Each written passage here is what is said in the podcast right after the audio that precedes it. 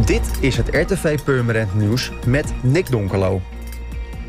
De bocht die vanaf de A7 naar de aansluiting op de A8 richting Oostzaan staat bovenaan de lijst van de locaties waar de meeste ongelukken gebeurden in 2020. Dat blijkt uit data van Stichting Incident Management Nederland. De scherpe bocht die menig Purmerender neemt was afgelopen jaar 43 keer het toneel van een ongeluk. In de bocht geldt een maximumsnelheid van 70 km per uur, maar volgens ingewijden wordt deze snelheid geregeld overschreden. Deze week is er weer Purvak tijdens de voorjaarsvakantie.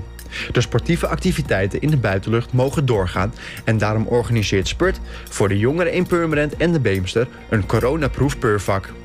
Er is een uitgebreid programma, want er zijn elke dag sport- en spelactiviteiten bij FC Purmerend, voetbalvereniging Werenvogels, voetbalvereniging Purmerstein, SV Beemster en voetbalvereniging ZOB. Naast de dagelijkse activiteiten zijn er ook speciale activiteiten zoals skileren, softbal, tennis, creatieve activiteiten, hockey en e-sports. De deelname is gratis, maar aanmelden is verplicht en dat kan via de website www.spurt.nl. Het was een grote verrassing voor de Purmerenders Joop en Greet. Zij hebben in de wekelijkse bingo-trekking van de Vriendenloterij Bingo een bedrag van 100.000 euro gewonnen. Niet alleen Joop en Greet vielen in de prijzen, maar ook inwoners van de straat Ooievaarsbek met postcode 1441 TC mogen namens de postcode loterij 250.000 euro verdelen aan de deelnemers die meespelen.